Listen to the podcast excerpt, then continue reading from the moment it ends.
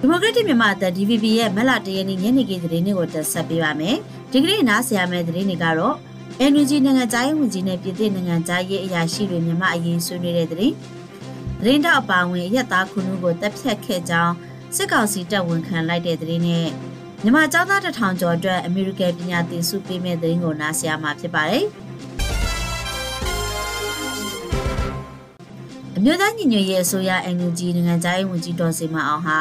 ပြည်သစ်နိုင်ငံနိုင်ငံသားရေးဝန်ကြီးဌာနအာရှနဲ့သမုတ်တရားဒေသဆိုင်ရာညွှန်ကြားရေးမှူးဘွန်နိုင်ဂျီတွေနဲ့တွေ့ဆုံပြီးလူသားချင်းစာနာမှုအကူအညီတွေအမေရိကန်လိုအပ်နေတဲ့နေရာတွေစီရောက်ရှိရေးဆွေးနွေးခဲ့ပါတယ်။ဒါအပြင်ပြည်သစ်နိုင်ငံခီးစီအတွင်းပြည်သစ်ထက်လွတ်တော်အောက်လွတ်တော်အမတ်တွေနဲ့တွေ့ဆုံပြီးတော့မြမအရေးလက်တွေ့ကြကြကူညီနိုင်ရေးဆွေးနွေးခဲ့တယ်လို့ NUG ကထုတ်ပြန်ထားပါတယ်။ပြည်သစ်ထက်လွတ်တော်အမတ်မစ္စတာပါစကယ်အလီဇန်နဲ့ ဖေဖော်ဝါရီလ28ရက်နေ့ကတွေ့ဆုံဆွေးနွေးမှုမှာမြမအရေးကိုလက်တွေ့ကြတဲ့အကူအညီပေးနိုင်ဖို့နဲ့တော်လန်ရေးရဲ့တိုးတက်မှုအခြေအနေမြေပြင်အခြေအနေတွေပါဝင်မြမအရေးပူပေါင်းဆောင်ရွက်မဲ့ညီလန်းတွေနဲ့ပတ်သက်ပြီးတော့အပြည့်အလန်ဆွေးနွေးခဲ့တယ်လို့လည်းသိရပါတယ်။မစ္စတာပါစကယ်အလီဇာဟာ2021ခုနှစ်ပြည်သစ်ထက်လွတ်တော်မှာ NUG အစိုးရကိုပြည်သစ်အစိုးရကအတိမတ်ပြုရေးအဆိုဥဆောင်တင်သွင်းခဲ့တာဖြစ်ပြီးမြန်မာပြည်သူတွေဘက်ကဆက်လက်ရည်တည်ပြီးကူညီပံ့ပိုးသွားမယ်လို့လည်းဆိုပါရရှင်။ ရန်ကုန်တိုင်းကြီးပြည်နယ်မြို့နယ်ဘာကရာစိတ်ကဲအနီးရန်ကုန်မြို့အတွင်းမှာမက်လာတရက်နေ့မနက်အစောပိုင်း2နာရီ23မိနစ်လောက်က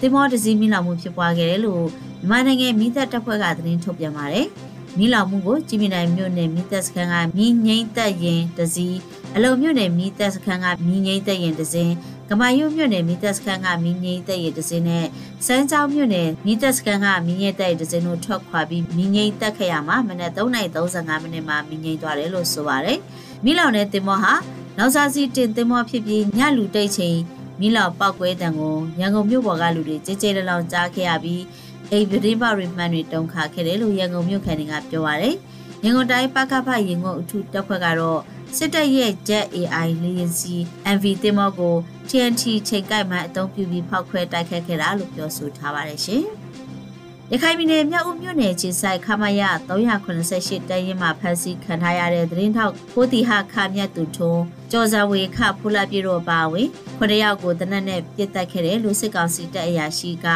ဝန်ခံပြောဆိုလိုက်ပါတယ်။တပ်ဖြတ်မှုမှာပါဝင်ခဲ့တဲ့ခမရ388တရင်ဌာနချုပ်တက်ခွဲမှုဗမှုသိန်းထိုက်ဆို ဗိုလ်မှူးကြီးအာကာမြင့်ခရိုင်ရဲတပ်ဖွဲ့မှဒုတိယရဲမှူးကြီးခင်မောင်စိုးတို့ကဝန်ခံပြောဆိုခဲ့တဲ့အတန်းဖိုင်ကိုရခိုင်တပ်တော် AA ကဖေဖော်ဝါရီလ29ရက်နေ့မှာထုတ်ပြန်လိုက်တာဖြစ်ပါတယ်။သူတို့ခုနှစ်ယောက်ကိုဖမ်းဆီးထိန်းသိမ်းပြီးတဲ့နောက်2023ခုနှစ်ဒီဇင်ဘာလ24ရက်နေ့ AA ကတိုက်ခတ်လာတဲ့အချိန်မှာသူတို့ကိုခမရ3ခွန်8တရင်နဲ့ကိုပြောင်းရွှေ့ခဲ့တာပါ။ ဟိုကင်းချုပ်ခန်းထဲမှာဖမ်းဆီးခံထားတဲ့သူတို့ခုနှစ်ယောက်ကိုမျက်နာပေါ်ဝါနဲ့စီလက်ထိတ်ခတ်ထားပြီးတဲ့နောက်လူတက်ကြက်တန်းအောင်အဖွဲ့တို့ကဈေးခန့်အဝင်အတွင်းတနက်နဲ့ပြစ်ခတ်ပြီးမြင်မြုပ်လိုက်တာလို့စစ်တပ်အရာရှိတွေကဝန်ခံထားပါတယ်။သူတို့ခုနှစ်ယောက်ကိုတပ်ဖြတ်ဖို့ကိုရိုင်အမိတ်ပေးခဲ့တဲ့ခမရ3ခွေ8တရင်နဲ့ဌာနချုပ်တက်ခွဲမှုဘုံမှုသိန်းထိုက်ဆိုတို့ကတော့သူတို့ကိုတရက်နဲ့ပြစ်သက်မြင်မြုပ်ပြီးတဲ့နောက်တပ်မမှုမင်းမင်းထိုးစီကိုဘုံစံထိမှန်ပြီးတည်ဆုံသွားတာဖြစ်ကြောင်းတင်ပြခဲ့တယ်လို့လည်းဝန်ခံထားပါတယ်။ သတင်းထောက်ဖို့တီဟာခမြတ်သူထွန်းဟာ DVB အပါအဝင်ပြည်ရင်းကတခြားသတင်းဌာနတချို့မှာလောက်ကိုင်ခဲ့မှုသူဖြစ်ပြီး2022ခုနှစ်ဒီဇင်ဘာလကဖမ်းဆီးခံရကမြောက်ဦးမြို့နယ်ကအကျဉ်းထောင်ထဲမှာထိန်းသိမ်းခံထားတာဖြစ်ပါတယ်။အဲဒီနောက်သူ့ရုပ်အလောင်းကိုတော့တခြားကျင်းသားအလောင်းတွေနဲ့အတူမြောက်ဦးမြို့ကဘုံခွန်ကြီးတစ်ခုထဲမှာတွေ့ရှိခဲ့တာဖြစ်ပါတယ်။ ရင်းထောက်ကိုမြတ်သူထွန်းတပ်ဖြတ်ခရမှုအပေါ်မှာစုံစမ်းစစ်ဆေးဖို့မြန်မာစစ်တပ်ရဲ့ဒီလိုတပ်ဖြတ်မှုတွေကိုဖိအားပေးဟန်တာဖို့ပြည်သူအခြေဆိုင်နေစည်းမခြားသတင်းထောက်အဖွဲ့ RSF ကနိုင်ငံတကာကိုတောင်းဆိုထားပါတယ်ရှင်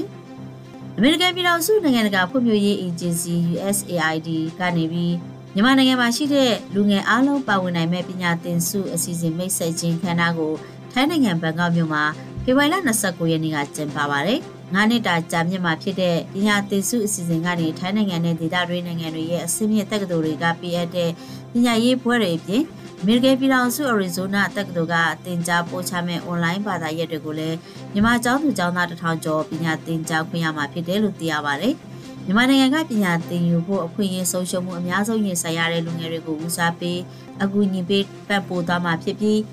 မြန်မာနိုင်ငံမှာကိုစားပြုမှုနေပါပြီးဘေးဖယ်ထားတဲ့လူရည်အတွက်အဆိုပါပညာသင်ဆုအစီအစဉ်မှာပါဝင်နိုင်ဖို့ပြုလုပ်ထားတယ်လို့လည်းမြန်မာနိုင်ငံဆိုင်ရာအမေရိကန်တန်ယုံအကြီးအကဲဆူဇန်စတီဗင်ဆန်ကပြောပါရယ်နိုင်ငံလူရည်ရဲ့45ရာခိုင်နှုန်းဟာအသက်25နှစ်အောက်လူငယ်လူရွယ်တွေဖြစ်ပြီးမြန်မာနိုင်ငံဟာဒီလူငယ်တွေမျိုးဆက်ပျောက်ဆုံးမဲ့အနာဂတ်မဲ့အခြေအနေကိုရင်ဆိုင်နေရပါတယ်ဒီလိုစိုးရိမ်ဖွယ်အခြေအနေမျိုးကိုမြန်မာနိုင်ငံကရင်ဆိုင်နေရတာကြောင့်အခုပညာသင်ဆုအစီအစဉ်ဟာဒီအခြေအနေကိုကာကွယ်နိုင်အောင် အမေရိကန်ပြည်ထောင်စုရဲ့ကြိုးပမ်းလှုပ်ဆောင်ချက်တစ်ခုဖြစ်တယ်လို့ပြောပါတယ်။ပညာသင်ဆုအခွင့်အလမ်းတွေအပြင်မြန်မာနိုင်ငံနဲ့ဒေသတွင်းနိုင်ငံတွေရဲ့အဆင့်မြင့်ပညာရေးကဏ္ဍတွေအားကောင်းလာစေဖို့မိဖက်အဖွဲ့အစည်းတွေကြားပူးပေါင်းဆောင်ရွက်ပြီးအဆင့်မြင့်ပညာအခွင့်အလမ်းတွေပတ်ပိုးဆောင်ရွက်ပေးနေတယ်လို့လည်း USAID ကဆိုပါတယ်။အဆိုပါပညာသင်ဆုကနေမြန်မာ၊ထိုင်းကမ္ဘောဒီးယား၊အိန္ဒိယ၊အင်ဒိုနီးရှား၊ဖိလစ်ပိုင်စတဲ့ဒေသတွင်းနိုင်ငံတွေနဲ့အမေရိကန်စတဲ့နိုင်ငံတွေရဲ့အဆင့်မြင့်ပညာရေးကိုသင်ယူနိုင်မှာဖြစ်ပြီး degree program အတွက်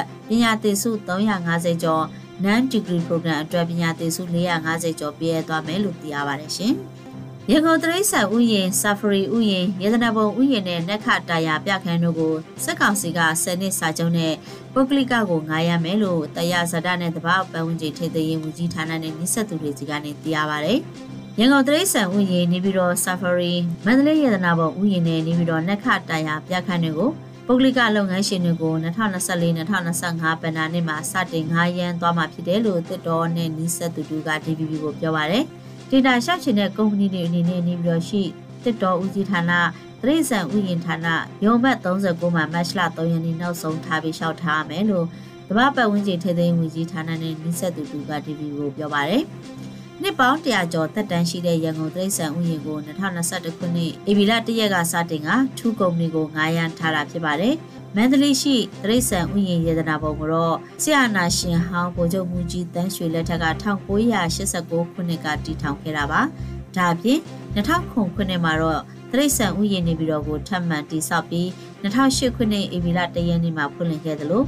2009ခုနှစ်မတ်လ26ရက်နေ့မှာနက်ခတ်တရာပြန်ခန်းနေပြီးတော့ကိုဖွင့်လှစ်ခဲ့ပါတယ်ရှင်။